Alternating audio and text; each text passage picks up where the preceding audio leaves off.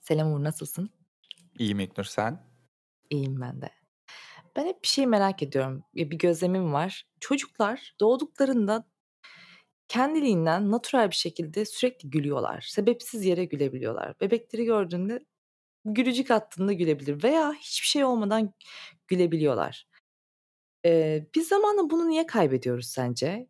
Neden daha az gülüyoruz? Niye sebepsiz gülmelerimiz duruyor? Ben bunu denedim bu arada. Eee, sebepsiz yere gülmeyi, sebepsiz yere gülümsemeyi falan. İnsanı çok iyi hissettiriyor. Aslında bu bizim doğalımızda olması lazım. Daha çok gülüyor olmamız lazım. Birbirimize de gülümsüyor olmamız lazım. Bunu kaybettikçe, eee, hayattan keyif almayı kaybediyoruz gibi. Çünkü çocukken aslında küçük şeylerden çok çok mutlu oluyoruz. Zamanla bunlar daha da artıyor ve bir doyumsuzluğa götürüyor mu sence bizi? Aslında sen bunu anlatırken ben de, eee, tam zıttını düşündüm biliyor musun? Şeye odaklanmadığımızı. Ağlamak da çok kolay çünkü çocukken. Eee, ya da bir bebeği gözlemlediğinde aslında zamanının çok büyük bir çoğunluğunu ağlayarak geçiriyor. Ama ona odaklanmıyoruz da sanki daha çok gülmesine odaklanıyoruz. Daha böyle masum, daha temiz, gülmekle eşleştirdiğimiz bir şey gibi. Ama aslında ikisi de bir arada sanki. Acaba biz bunu yaparken kendimize mi mutluluk arıyoruz orada? Hah, evet böyle bir yere aslında geliyormuş gibi hissettim.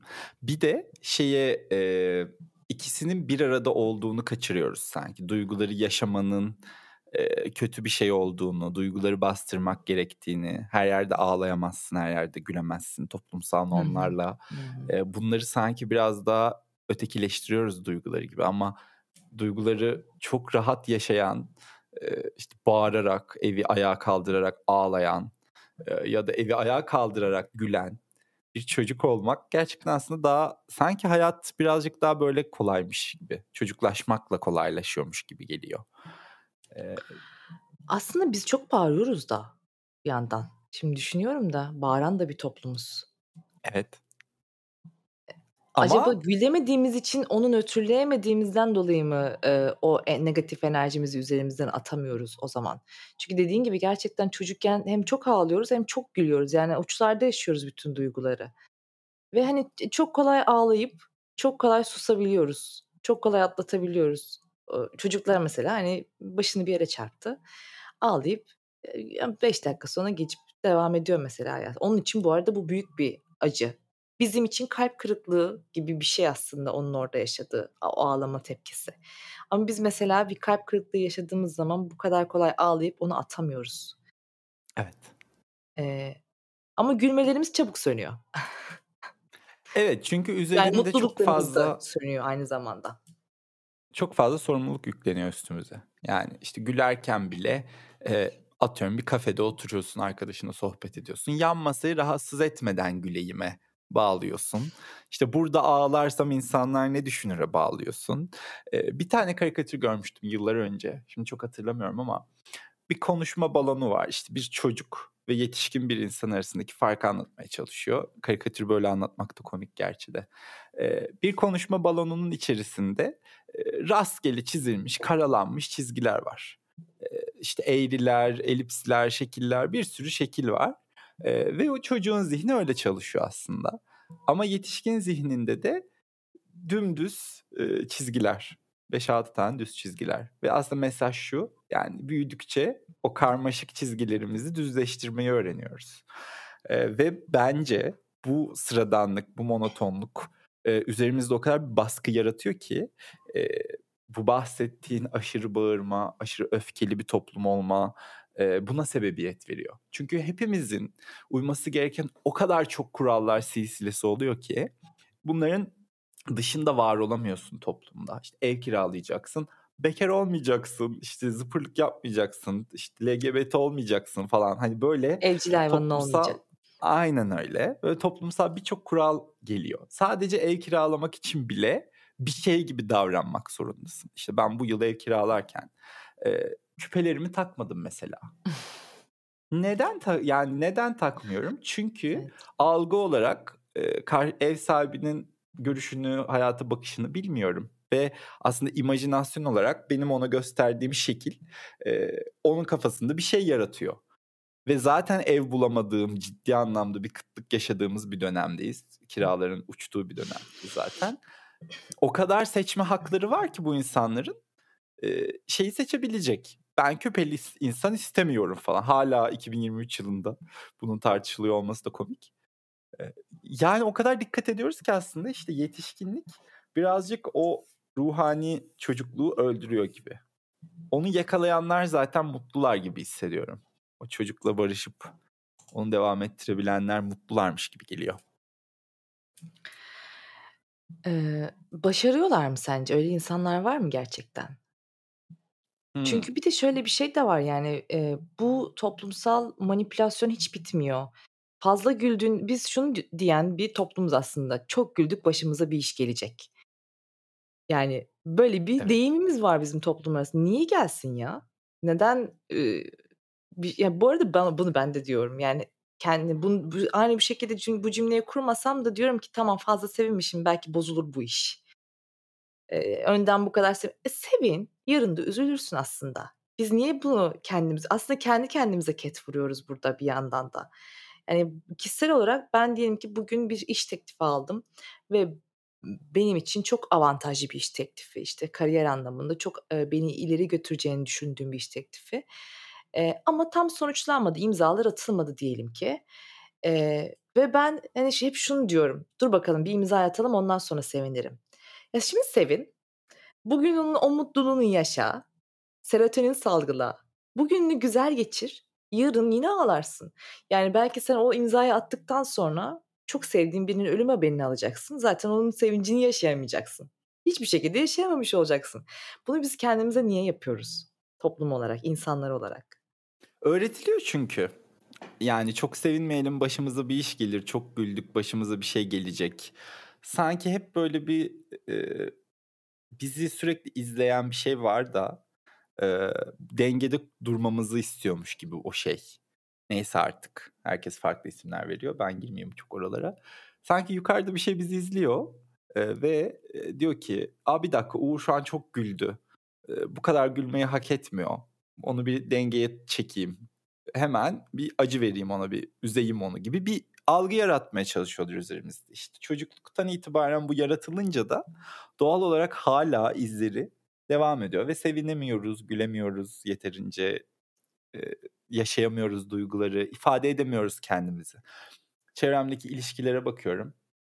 Eee, insanların çevremi de sorguladım şu an ya. Hani, ne kadar İnsanların Neden? bir ilişkiyi sürdürebilmeleri için gerçekten, hani, bir şeyleri göz ardı etmeleri gerekiyor sanırım. İkili ilişkilerden, duygusal ilişkilerden bahsediyorum. Çok az görüyorum duygularını net bir şekilde ifade edip çözüm bulup devam edebilen insan sayısı. Çok az görüyorum. Oradaki o mutual mı denir? Bu, eee, eşleşen, hı. çıkar, birbirlerinden yararlanma dürtüsü o kadar hâkim ki, eee, sanki şeyin farkında değiller. Yani, bu duyguyu ifade edersem eee, kaybederim ve kaybedeceğim şey aslında o kişi değil, onun bana sağladıkları. Duygularımı ifade etmeden devam etmeye okay'im ve dışarıya da çok mutluyum gibi yansıtabilirim. Evet, aslında biz o zaman sevemiyoruz da. Yani, bu bu sevginin karşılığı olabilir mi? Yani, birini seviyorsan birlikte olursun, karşılığına bakmazsın ya da onun sağladığı şeyleri mi seviyor oluyorsun? Yani, şöyle deyin, mesela, bir, işte, ilişkin var, ve toksik bir ilişki. Onu seviyorsun, tamam mı? Güzel başlıyor, ilerliyor ilişkiniz, devam ediyorsunuz. Sonra mesela senin çevrene karışmaya başlıyor diyelim ki. Senin yaptıklarına karışmaya başlıyor, hobilerine karışmaya başlıyor. Yani, karışıyor derken bunu bu arada, eee, bu tarz karışmalar, "A, hayır onu yapamayacaksın." şeklinde olmuyor genellikle ilişkilerde. Sen şey gibi oluyor, sence bunu yapmak sana yakışıyor mu? Sence bu hı. kişiyle arkadaş olmak sana yakışıyor mu? Bence sen çok daha değerlisin. Bence bu insanla görüşmemelisin. Yani, seni de yukarı çıkartıp aslında, eee, aslında senin çok daha değerli, çok daha, eee, özel bir insan olduğunu hissettirip yanındakileri kötüleyip seni onlar kötüleyip onla onlardan uzaklaştırmaya çalışıyor aslında. Gaslighting mi deniyordu buna? Yanlış mı Evet. hatırlıyorum? Gas gaslighting evet, evet. Love bombing, gaslighting. Sonra bir de ghosting. Sonra ortadan Evet. kaybolma. Aynen. Yani, eee, burada, eee, yine şeye bağlanabilir bu işte, eee, çocukluktan gelen ket vurmalara bağlanabilir. Eee, bize kendimizi sevmek öğretilmedi.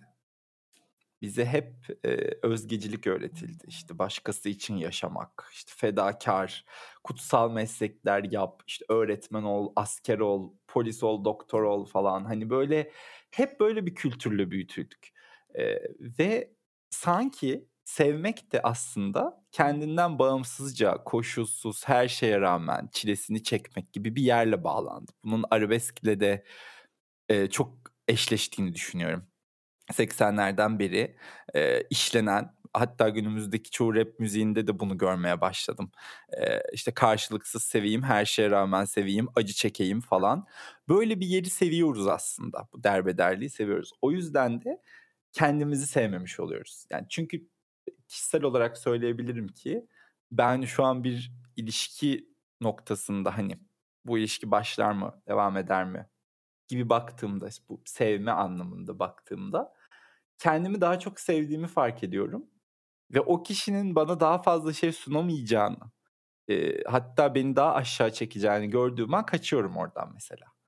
Eee, öncelik bence iki tarafın da kendini çok iyi analiz edebiliyor olması, olumsuzluklarını, iyi yanlarının bilip, eee, durup şu an hayır sen şu an bana gaslighting yapıyorsun, değil denebilmeli yani. Hani bunun farkına varmak. E, bu da tabii ki kendine daha çok dönmekle ve kendini sevmeye çalışmakla olan bir.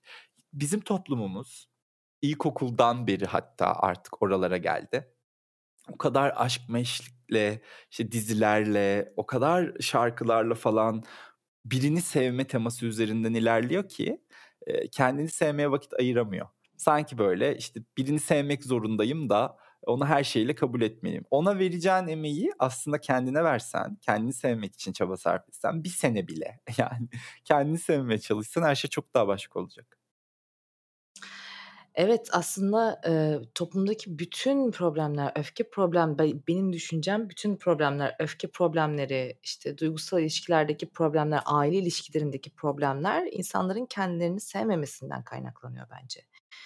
Eee, ve aslında bu şunu şuna da götürüyor. Kendini sevmiyorsun, eee, karşıdakini seviyor gibi yapıyorsun. Hani, orada arıyorsun belki de kendini sevme sevgisini. Eee, ondan sonra ona yatırım yapmaya başlıyorsun. Duygusal yatırım, maddi yatırım. Bu, işte, anne babanın çocukla ilişkisi olabilir, bir eee, sevgili, ilişkisi olabilir, karı koca ilişkisi olabilir, eee, arkadaşlık ilişkisi olabilir. Buraya yatırım yapmaya başlıyorsun. Sonra, eee, bundan da bir beklentiye giriyorsun hâliyle. Çünkü aslında kendini sevmeyi orada aradığın için bu yatırımların karşılığını da almak istiyorsun. Hâlbuki herkes özünde kendisi olabilse ortak paydalarında buluşup hatta bence evliliklerde bile, yani, herkesin kendi özel hayatı olmalı, eee, ortak paydalarda buluşup ayrılmalılar. Ayrılmalılar derken, eee, boşanmadan bahsetmiyorum. Ayrı alanlara Fazla gibi belki. 2 Mesela ben evde bu yaşamak. arada bana çok şey geliyor o konu yani. Çok, Aşırı eee, mantıklı bu arada. mantıklı geliyor. Hi ben hiç yadırgamadım. A, mantıklıymış aslında. Hani hani, kiralar bu kadar yüksek olması denenebilecek bir şey. Evet, kesinlikle katılıyorum. Ben şu an kiralar yüzünden evlenmeyi bile düşünüyorum bazen. Mantıklı böyle giderse. Bir de çıkartılma ihtimalleri her zaman uykularımızı kaçıran ihtimallerden yani kiracılar olarak. Aynen öyle. özetle, eee, o yüzden orada bizim, eee, ilişkilere yatırım yapıyoruz aslında. Buradan başlıyor problemler.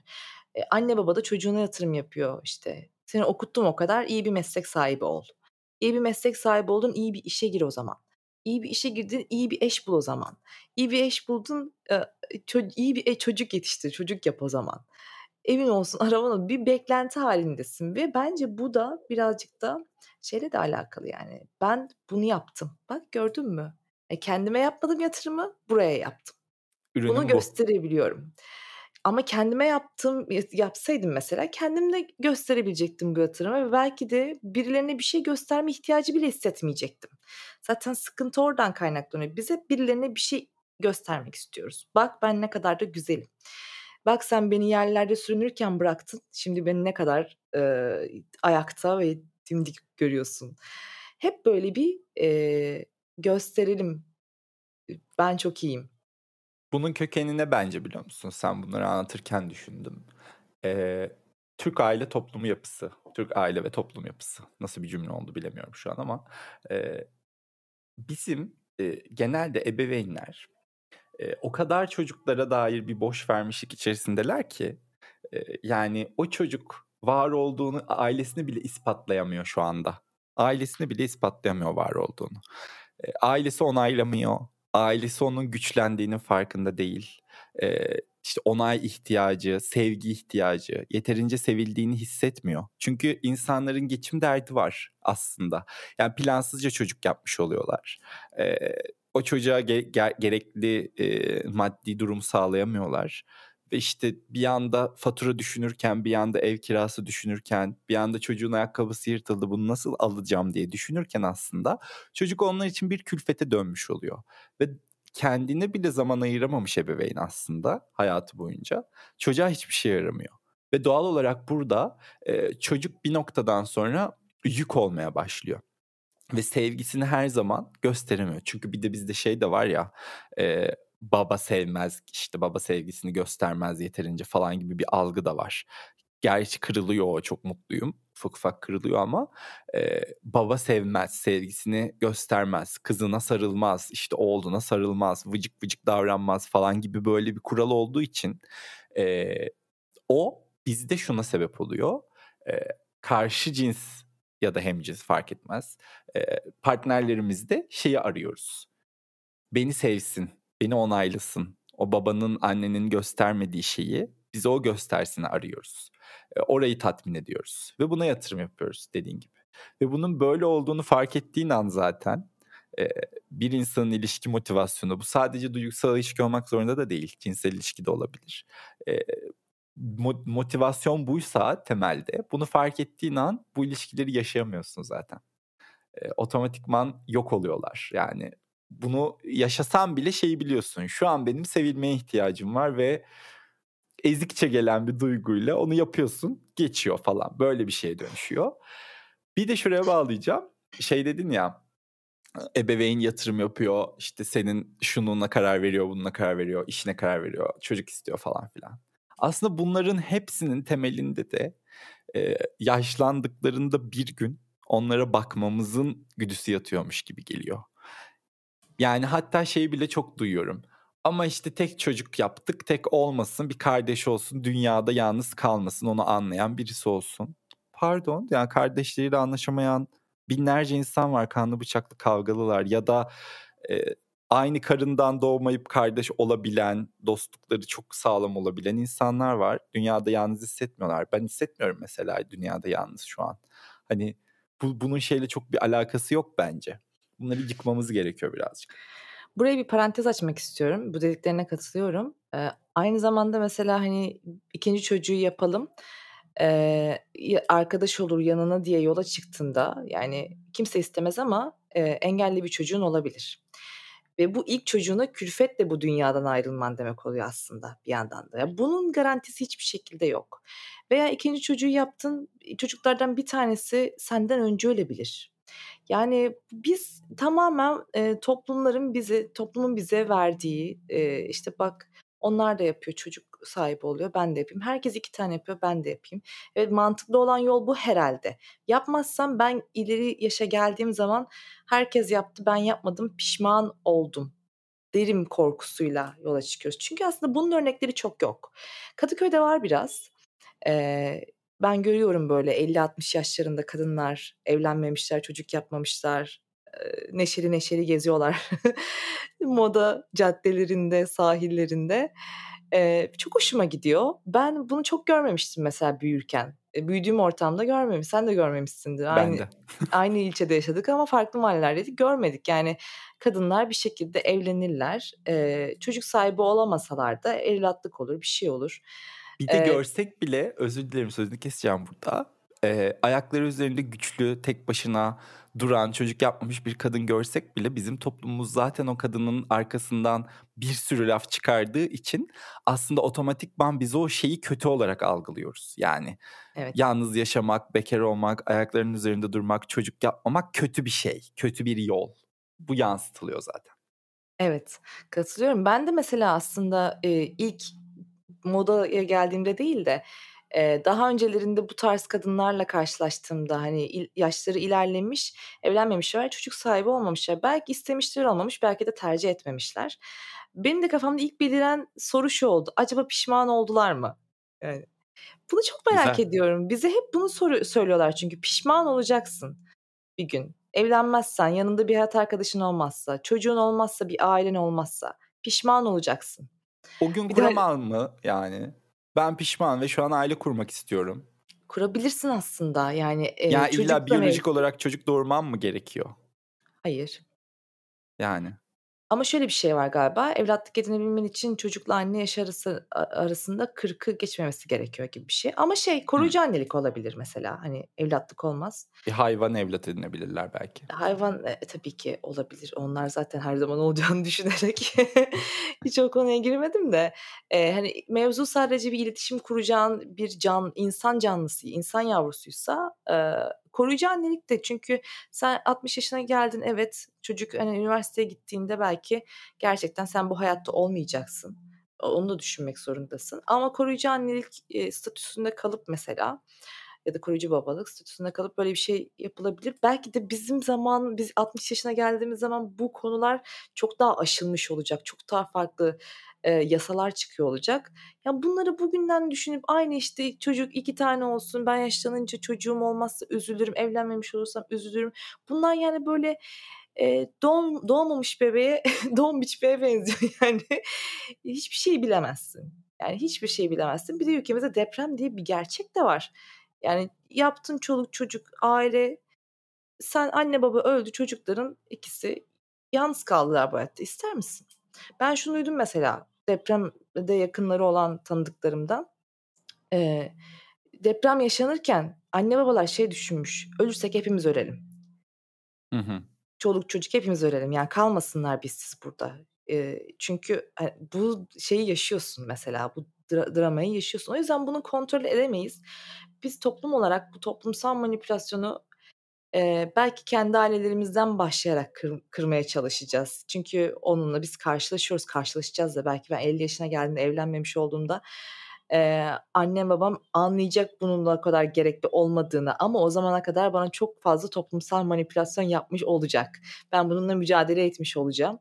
Zamanı geldiğinde kabulleniyor olacaklar belki de yani. Eee, ama zor bir mücadele olacak. Çünkü biz çok farklı düşünüyoruz aramızdaki jenerasyonla. O yüzden, eee, mücadeleye devam diyorum. Ben de mücadele için bir bakış açısı daha kapat kazandırıp, eee, kapatmak istiyorum aslında. Eee, evet, biz mücadele edeceğiz bireysel olarak, okay. Ama bundan sonra da çocuk yapmak isteyen her bireyin şunu sorması gerektiğini düşünüyorum. Ben bu çocuğu neden istiyorum? Dünyaya genlerimi kopyalamak için mi? Eee, neslimi sürdürmek için mi? Yoksa yarattığım, işte, kültürel, eee, ahlaki duruşu yeni nesillere aktarmak için mi çocuk üzerinden? Şunu kabul etmeleri lazım. Yani benim hep çocuk düşünen arkadaşlarıma genel olarak sorduğum soru şu: Görüşü neyse, hayata nasıl bakıyorsa, eee, onun tam tersinde bir birey, eee, oluşturmak ister mi? Yani çocuğun kararlarına saygı duyabilecek mi? Onun dini görüşünün karşısında olan bir çocuğa okay olacak mı? Onun, eee, ahlaki, sosyolojik görüşlerinin karşısında hakkını savunan bir çocuğa okay olacak mı? Ona okayse insanlar, eee, tamam, yani her şeyiyle sevebiliyorum ben bu çocuğu ve bir birey yetiştiriyorum. Benim yetiştirdiğim bireyi takılmadan, yani var olabilir bu çocuk kendi başına ya okayse evet çocuk yapsınlar abi. Ama sorun şuysa benim ahlak anlayışım, benim kültürüm, benim doğrularımla büyümesini istiyorum bu çocuğun diyorsan orada bir sıkıntı var. Sen kendin için çocuk yapıyorsun, çocuk için çocuk yapmıyorsun ve onun hayatını da bu şekilde karartmak hiçbirimizin hakkına, eee, hakkı değil. Eee, o yüzden, eee, böyle noktalamak istiyorum düşüncemi. Var mı ekleyeceğin bir şey? Katılıyorum. Herkese bu şekilde çocuk yapmalarını tavsiye ediyorum. Bence bir süre yapmayalım. Yeterince çocuk var dünyada. Yani Bence de onu ama bir tabii. O da bizim kişisel görüşümüz olsun. O zaman ben şimdi kısırlaştırma ameliyatlarına bakmak için çıkıyorum buradan. Eee, görüşürüz. Görüşürüz.